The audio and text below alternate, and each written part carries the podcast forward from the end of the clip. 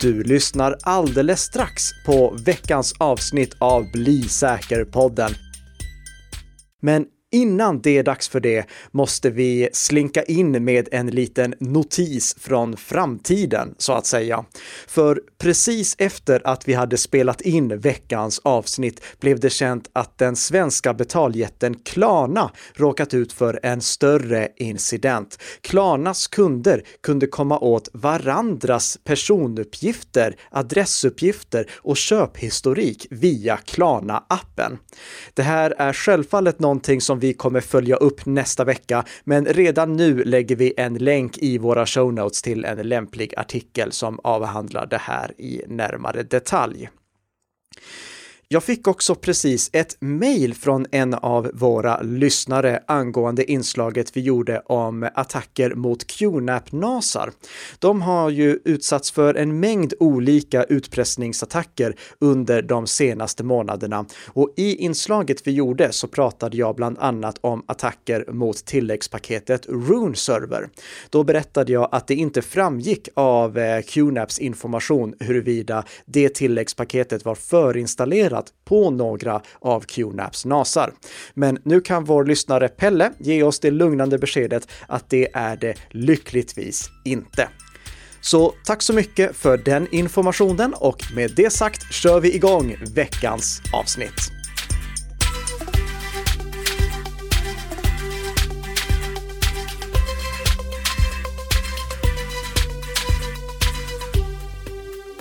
God morgon, god morgon Tess! God morgon, god morgon Nicka. Allt bra idag? Det är alldeles utmärkt här får jag säga, förutom att jag är lite grinig på Microsoft. Jaha, vad har de nu gjort? Det handlar inte så mycket om vad de har gjort, det handlar snarare om vad de inte har gjort. För nu i veckan så hade de ju sin årliga utvecklarkonferens Microsoft Build. Och jag hade sett fram emot att de skulle ge ut en förhandsversion av eh, höstens Windows-uppdatering. Den som går under kodnamnet Sun Valley. Mm. Men det gjorde de inte. De sa bara att ja, det kommer en större Windows-uppdatering. ja, det. det, det, vet vi att det gör, men jag vill ju ha den nu för att det, det, kommer se lite annorlunda ut. Det kommer vara lite rundade hörn och sånt och jag vill ju ha de senaste skärmdumparna i nästa version av Bli säker-boken. Så Microsoft, se till att fixa fram en förhandsversion åt mig är ni snälla. Nog om det. Vi kommer prata om Sun Valley-uppdatering när den börjar närma sig, men i det här avsnittet av Bli säker-podden som produceras i samarbete mellan Nika Systems och Bredband2 så ska vi börja grotta ner oss i vilken den bästa gratis e-posttjänsten är. Jag tror att det kommer bli en eh, serie i två delar där vi eh, börjar med lite bakgrundsinformation nu och sen lite mer jämförelse i nästa avsnitt. Men innan vi kommer till det överhuvudtaget så måste vi ju köra veckans snabbisar. Ja, vad har vi här med Apple och antivirusprogram? Ja, har vi någon gång diskuterat huruvida man behöver ett antivirus på MacOS eller inte?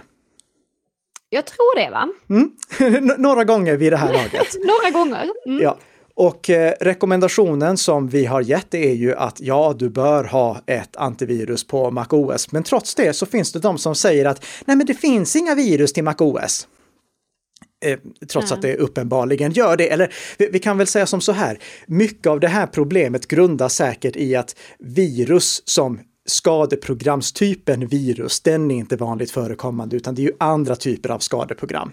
Men om vi pratar om behovet av antivirus som generell term, det som vi tidigare kallade klientskydd, så är det någonting som behövs. Och vi har i tidigare avsnitt pratat om vilken funktion som Apples inbyggda antivirus fyller, för just det, det finns ett inbyggt antivirus i MacOS. Mm. Och nu ska vi idag fylla på med ytterligare ett bevis för varför det behövs ett sådant. Nu pågår civilrättegången mellan Epic Games och Apple. Epic Games, de är ju gnälliga över att eh, Apple inte låter dem eh, sälja sitt spel, vad heter det, eh, Fortnite, mm. i App Store utan att betala provision till Apple. Och det går ju inte att installera program eller appar på något annat sätt på en iPhone än genom App Store, vilket då kan jämföras med Android-plattformen där det går att installera appar manuellt. Mm. Craig Federighi som är mjukvaruchef på Apple, du vet han med det fantastiska hårsvallet, han som kallas Hair Force One. Han sa några intressanta saker när han fick eh, ordet under den här civilrättegången. Då sa han så här. Today, we have a level of malware on the Mac that we don't find acceptable. Alltså att vi idag har en eh, nivå av skadeprogram på macken som vi finner oacceptabel. Mm. Det här är alltså Apples egen mjukvaruchef som säger. Ja, precis. Han la också till For iOS, we aspire to create something far more secure. All indications are that we have succeeded in doing so. Alltså, när de skapade iOS, som är en, ja, en eh, fork, en vidareutveckling av MacOS, då ville de göra någonting som var mycket säkrare än MacOS. Och enligt Craig så är det någonting de har lyckats med. Och jag håller med. För om jag står här och säger att jag rekommenderar alla att ha antivirus på MacOS, så säger jag också till alla att det finns inget skäl att ha det på iOS. För mm. på iOS så ser vi inte några skadeprogram överhuvudtaget. Jämför det med skadeprogrammen som vi har sett på MacOS, som vi har pratat om i tidigare avsnitt, eller eh, din och min gemensamma vän, Tess, du vet vem ja. jag tänker på, som uh -uh. Eh, fick skadeprogram på sin Mac. Eller Craig som själv också sa så här. I have had a couple of family members who have gotten some malware on their Macs. Mm, till och med. Nu, Ja, nu ska vi ju då tänka på att det här använder Apple som argument för varför de måste hålla iOS-plattformen stängd på det viset som de har. Mm. Och det kan man självfallet ha åsikter kring, huruvida Apple ska få ha den dominanta ställningen och om de missbrukar sin dominanta ställning. Men det är inte det som jag tänkte att vi skulle fokusera på här nu, utan jag ville bara ha det här som ytterligare ett exempel på att ja, skadeprogramsutbrott är mycket, mycket vanligare på Windows-plattformen än på MacOS. Men mm. det betyder inte att de inte finns på MacOS. Nej. Källa Craig Federighi. För att fylla på ytterligare lite så kan vi prata om eh, säkerhetsuppdateringen som Apple släppte till MacOS nu i veckan. För nu i veckan så släppte de en uppdatering till MacOS eh, Big Sur, Catalina och Mojave, alltså de tre senaste versionerna av MacOS som vanligt. I uppdateringen till MacOS Big Sur så åtgärdade de totalt 73 stycken sårbarheter, inklusive en nolldagars sårbarhet, en sårbarhet som användes i aktiva attacker. Och ah. den sårbarheten, den låg i det som kallas eh, Transparency Consent and Control. Jag tror inte att det finns något bra ord för det på svenska. Men det är alltså funktionen i MacOS som gör att om en app vill ha rätt att eh, komma åt eh, hela hårddisken eller komma åt skärminspelning eller ko komma åt kameran så måste appen först och främst be användaren om tillstånd. Det hade angripare hittat ett sätt att kringgå. Säkerhetsföretaget Jamf, som eh, har gjort sig kända för att de tillhandahåller sådana här manageringsverktyg för mackar och iOS-enheter, alltså så att större organisationer kan hålla koll på alla sina Apple-produkter. De mm. hittade ett skadeprogram som heter XCS-set på en infekterad Mac, där de upptäckte att det skadeprogrammet spelade in skärmen på den datorn. Så kör underhållna versioner av MacOS, någon av de tre senaste. Se till att installera säkerhetsuppdateringar så fort de blir tillgängliga. Och för att få bra skydd enligt den här lager på lager-principen där vi ser till att inte ett ensamt skyddslager är det som egentligen hela säkerheten står och faller med. Ha gärna ett eh, antivirus från tredje part som kompletterar Apples inbyggda. Ja, vad bra. Då gör vi som allihopa nu här som Nicka säger helt enkelt. Eller hur? ja, det, på något konstigt sätt så tycker jag alltid att man ska göra. Vad har vi mer här? Vad har vi fler för nyheter? Jo, G-Hacks, de har upptäckt en falsk Microsoft Authenticator-app i Google Web Store. Alltså den eh, tilläggsbutik som finns för Google Chrome och eh, numera även för Microsoft Edge. Microsoft Authenticator, det är ju eh, Microsofts app för tvåfaktorsautentisering. Det är deras motsvarighet till Google Authenticator eller till Authy som vi har rekommenderat flera gånger i den här podden. Mm. Problemet var att det här Microsoft Authenticator-tillägget som hette Microsoft Authenticator och som hade Microsoft Authenticators logga, det var inte ett officiellt Microsoft Authenticator-tillägg, utan det var ett tillägg som syftade till att nätfiska användarens lösenord. Så istället för att få en eh, Microsoft Authenticator-integration i webbläsaren så fick användaren en nätfiskesajt. Nej, ganska ironiskt också. Ja. Av att du vill ha säkerheten och sen så, nej, tråkigt. Ja. Det som möjligtvis hade kunnat avslöja att det inte var ett äkta tillägg, det var att eh, i eh, den här underrubriken som brukar finnas eller som finns där det står vem det är som har publicerat appen. Då stod det inte Microsoft Corporation som det gör på Microsofts riktiga webbläsartillägg, utan det stod Extensions. Men Aha. det är ju ganska smart av angriparna att kalla sig extensions, för då står det liksom offered by extensions precis under, eh, under eh, tilläggsnamnet. Det är ju inte mm. någonting som man reagerar på direkt. Innerst inne så kan säkert våra lyssnare tänka sig att ja, men det borde stå Microsoft där. Men när man bara liksom snabbt ja, tittar så reagerar man inte på det. Mm. Och ifall man är en Android-användare och har installerat eh, appen eh, via Google Play, då har man kanske sett att längst ner där det står vem det är man köper appen av, då står det leverantör Google Commerce Limited. Alltså på den riktiga appen. Så mm det, det, det, är också någonting som kan förvirra ytterligare. Okej, okay, vad är det som ska stå här egentligen? Ja, verkligen. Så 448 användare drabbades av det här, eller minst 448 användare, det är det vi vet. Och vår rekommendation, det får egentligen bli att inte lita på alla tillägg som dyker upp i webbläsarbutikerna. Eh, vi har ju tidigare rekommenderat att minimera antalet tillägg, den rekommendationen står kvar.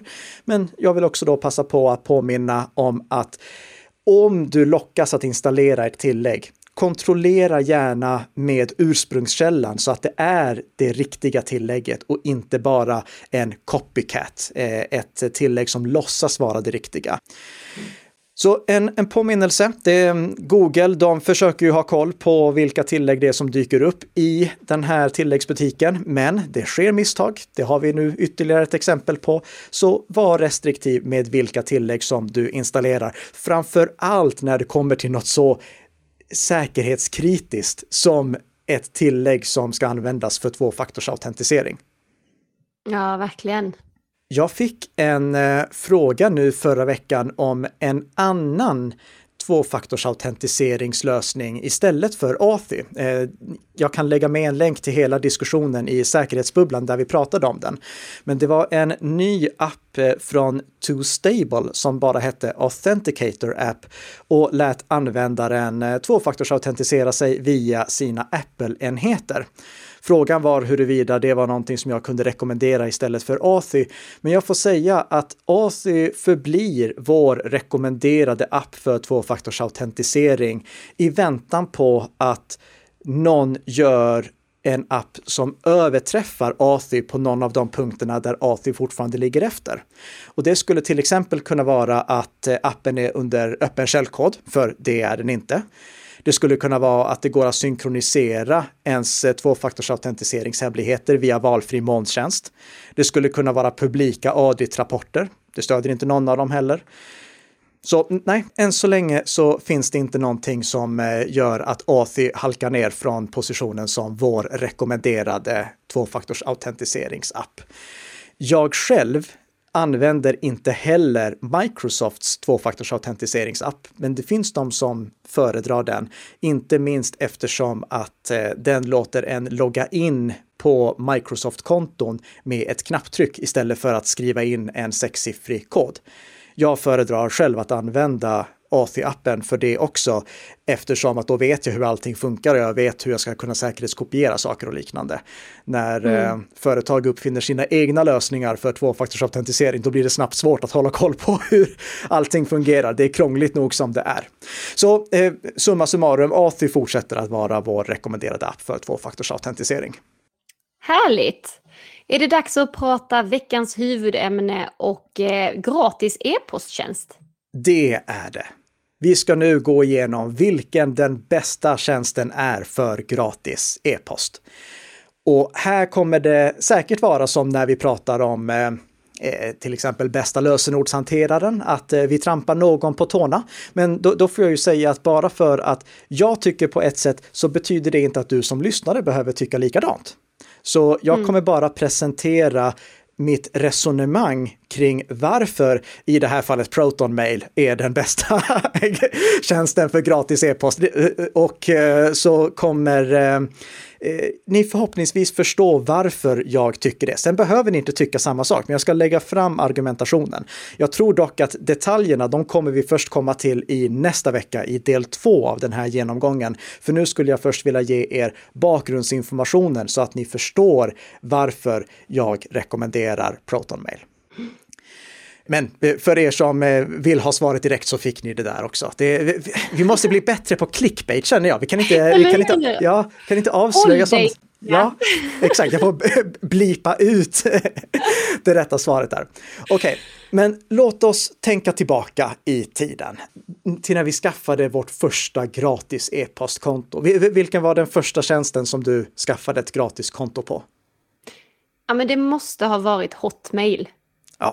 Samma sak här. Hotmail, det var ju den här riktigt stora gratis e-posttjänsten som gjorde att väldigt många fick tillgång till gratis e-post.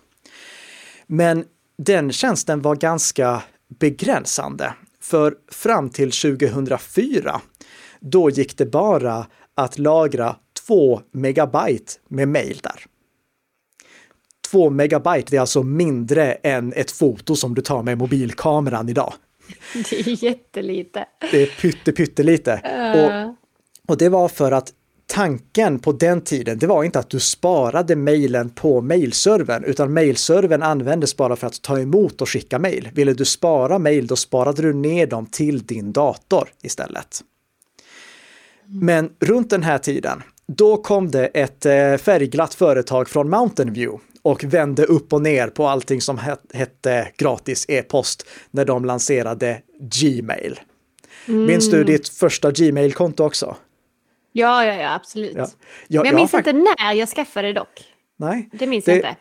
Jag eh, minns inte heller exakt när det var, men jag minns att det var min studiekamrat Jasper som eh, fixade det till mig. Så om Jasper mm. lyssnar på det här, stort tack för Gmail-kontot. Jag har kvar det än idag.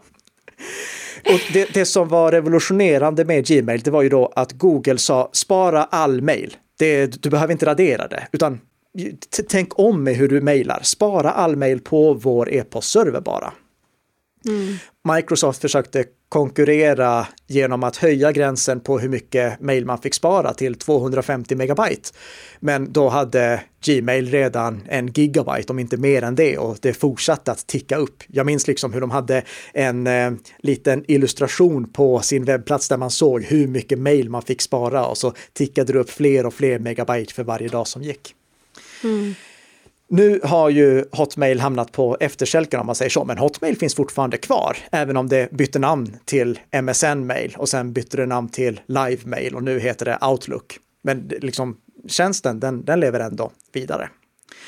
Och när man ska välja en eh, gratis e-posttjänst idag, då är det ju framför allt Outlook och eh, ja, Gmail som man står och väljer mellan. Kanske iCloud också. Det, jag skulle vilja säga att det är de tre som ligger i fokus för vanliga människor. Men jag skulle vilja lägga till två stycken till tjänster på den här listan. Och det är Proton Mail och Tutanota. I nästa avsnitt då kommer vi jämföra de här två mer i detalj. Men jag vill först och främst förklara som sagt bakgrunden till varför vi eh, vill prata om att byta från de här tre jättarna Outlook, Gmail och iCloud till Proton Mail eller Tutanota. Det finns ju de som eh, förespråkar att man ska ha en egen e-postserver, att det är det absolut säkraste. Och eh, Ja, hur ställer du dig till det? Ja. Och om jag eh, har blivit lite försiktig med att rekommendera att ha sin egen filserver så är det inget jämfört med att ha sin egen e-postserver. För att drifta sin egen e-postserver, det är jättejobbigt. Du får tänka dig att den är direkt exponerad mot internet. Angripare kan skicka saker till den. De kan skicka skadeprogram mm. till den. Eh, och att hålla koll på kont alltså det är en it-säkerhetsmässig mardröm att drifta sin egen e-postserver. Och då har vi inte gått in på andra aspekter som till exempel driftsäkerheten. Att hålla sin e-postserver driftsäker så att den alltid är tillgänglig. Det är inte det lättaste. Kolla bara vad som hände hos FS-data. Vi kan lägga med en länk till avsnittet vi gjorde om det totala haveriet där. Och mm. för att inte tala om leveranssäkerheten, att få bra leveranssäkerhet på mail som man skickar själv, det är faktiskt inte det lättaste för att ens egen e-postserver har inget ordentligt rykte om man inte skickar jättemycket mail. Ja. Så att ha sin egen e-postserver, det, det finns de som fixar det. Jag hade aldrig velat göra det igen. Alltså, jag, jag, tror ju inte att helvetet finns till exempel, men jag är säker på att om helvetet finns och jag hamnar i helvetet, då kommer djävulen stå där och säga Mwahahaha, ditt straff det är att du ska drifta helvetet.coms e-postserver. För all evig framtid är du fast med att göra det. Eh, så, ja, det, det, är jättesvårt och vi får inte glömma hur bra Outlook, Gmail och iCloud är på att drifta säker e-post. Vi får inte glömma att de också har grym autentiseringskontroll. Alltså de är jättebra på kontohantering, på att upptäcka avvikande mönster ifall det är så att någon loggar in från en IP-adress som de inte brukar logga in från eller loggar in vid en tidpunkt som man inte brukar logga in från. De har kanske världens bästa skräppost och nätfiskefilter. Med den mängd information som de kan samla in om vad som är skräppost och nätfiske så har de en otrolig möjlighet att faktiskt skydda mottagaren från skadliga mejl och rena skräpmejl. Mm. Så jag, jag, vill inte på något sätt säga att de här tjänsterna är dåliga ur ett IT-säkerhetsperspektiv, ur ett driftsäkerhetsperspektiv eller leveranssäkerhetsperspektiv. Problemet med dem, det är att de inte ger dig integritet. Mm. Vad menar jag med det? Jo, när vi mejlar med varandra så har jag ju väldigt ofta sagt att det är som ett eh, vykort. Allt det du skriver i ett mejl ska du också kunna tänka dig att skriva på ett vykort. Och så är det för att vi vet inte om allting är krypterat hela vägen när vi skickar ett mejl. Ponera att jag vill skicka ett mejl till dig Tess. Då är ja. det egentligen tre stycken eh, tre anslutningar som måste vara krypterade för att vi ska vara säkra på att utomstående parter inte kan läsa mejlet. Först och främst så måste krypteringen mellan mig och den utgående e-postservern vara krypterad, alltså mellan avsändare och utgående e-postserver. Ifall jag använder webbmail behöver jag inte bry mig om det, men om jag använder en mailapp på datorn eller mobilen, då måste jag se till att det är ikryssat att anslutningen använder SSL eller TLS. Om ni är osäkra, kontrollera att det är ikryssat så att anslutningen mellan avsändande dator eller mobiltelefon och utgående e-postserver är krypterad. Och om ni någon gång får upp en varning att det inte går att säkerställa att anslutningen är säker när ni vill skicka mejl eller ta emot mejl, gå aldrig förbi den varningen. Ta den varningen på fullaste allvar. Mm. Sen har vi anslutningen me mellan utgående mailserver och inkommande mailserver. Alltså mellan min utgående mailserver och din inkommande mailserver. Den kan ju inte jag som vanlig e-postanvändare se huruvida är krypterad eller inte. Och förr i tiden så var det tyvärr väldigt ofta okrypterat däremellan. Jag hittade lite statistik från Gmail och jag lägger med en länk i våra show notes ifall ni vill se hur det här har förändrats över tiden. Men 2014, då var det 33 procent av mejlen som skickades från Gmail som var krypterade.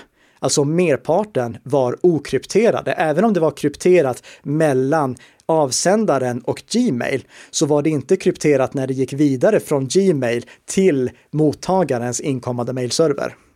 Mm. Idag är det mycket, mycket bättre.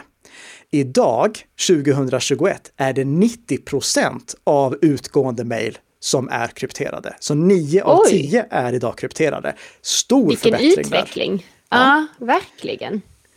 Och det är någonting som jag uppskattar, men jag vet ju inte när det inte är det. Jag, jag, vet, jag, jag, vet inte på förhand ifall mejlet kommer vara krypterat hela vägen eller inte.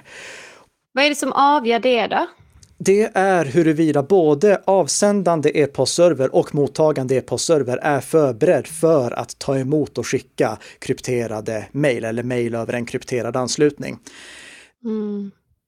Avslutningsvis så måste också anslutningen mellan din inkommande mailserver och din mailapp på datorn eller mobilen vara krypterad. Och här är det igen då upp till dig att säkerställa att du har kryssat i att använda SSL eller TLS i din mailapp eller använda bara webbinterfacet så behöver du inte tänka på det.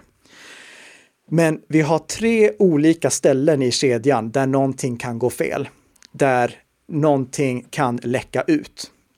Det är ett stort problem. Men ett ännu större problem, det är att när jag pratar om att ingen utomstående ska kunna komma åt informationen i mejlen som vi skickar, så räknar jag inte till exempel Google eller Microsoft eller Apple som utomstående.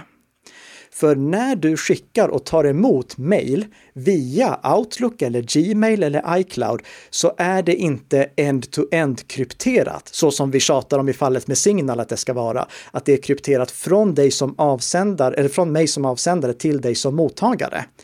Mailen mm. kan alltså läsas när de tas emot och skickas eller ligger på servern av de som driver din respektive min e-posttjänst. Ett undantag från det här, som jag tror att få av våra lyssnare har varit med om, det är ifall mejlen skickas S-MIME-krypterade. Men det ser vi sällan. För för att jag ska kunna skicka mejl end-to-end krypterat med S-MIME till dig, då måste du ha ett certifikat som du måste betala för. Det här är Aha. någonting som vi ser i många organisationer, men det är ingenting som vi ser i småföretag eller hos ja, hos privatpersoner. Jag, jag har ett S-MIME-certifikat som jag betalar helt i onödan för, för att jag har typ använt det en gång i år.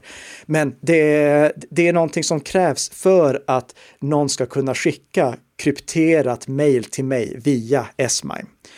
Det mm. finns en annan lösning för det här. Och det är PGP som vi har gjort ett helt eget avsnitt om.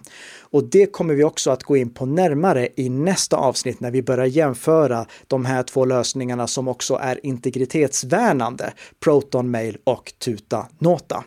Och det, kära lyssnare, det vill ni självfallet inte missa. Så passa på att prenumerera på den här podden, för då får ni svaret på huruvida, eller jag har ju redan avslöjat svaret.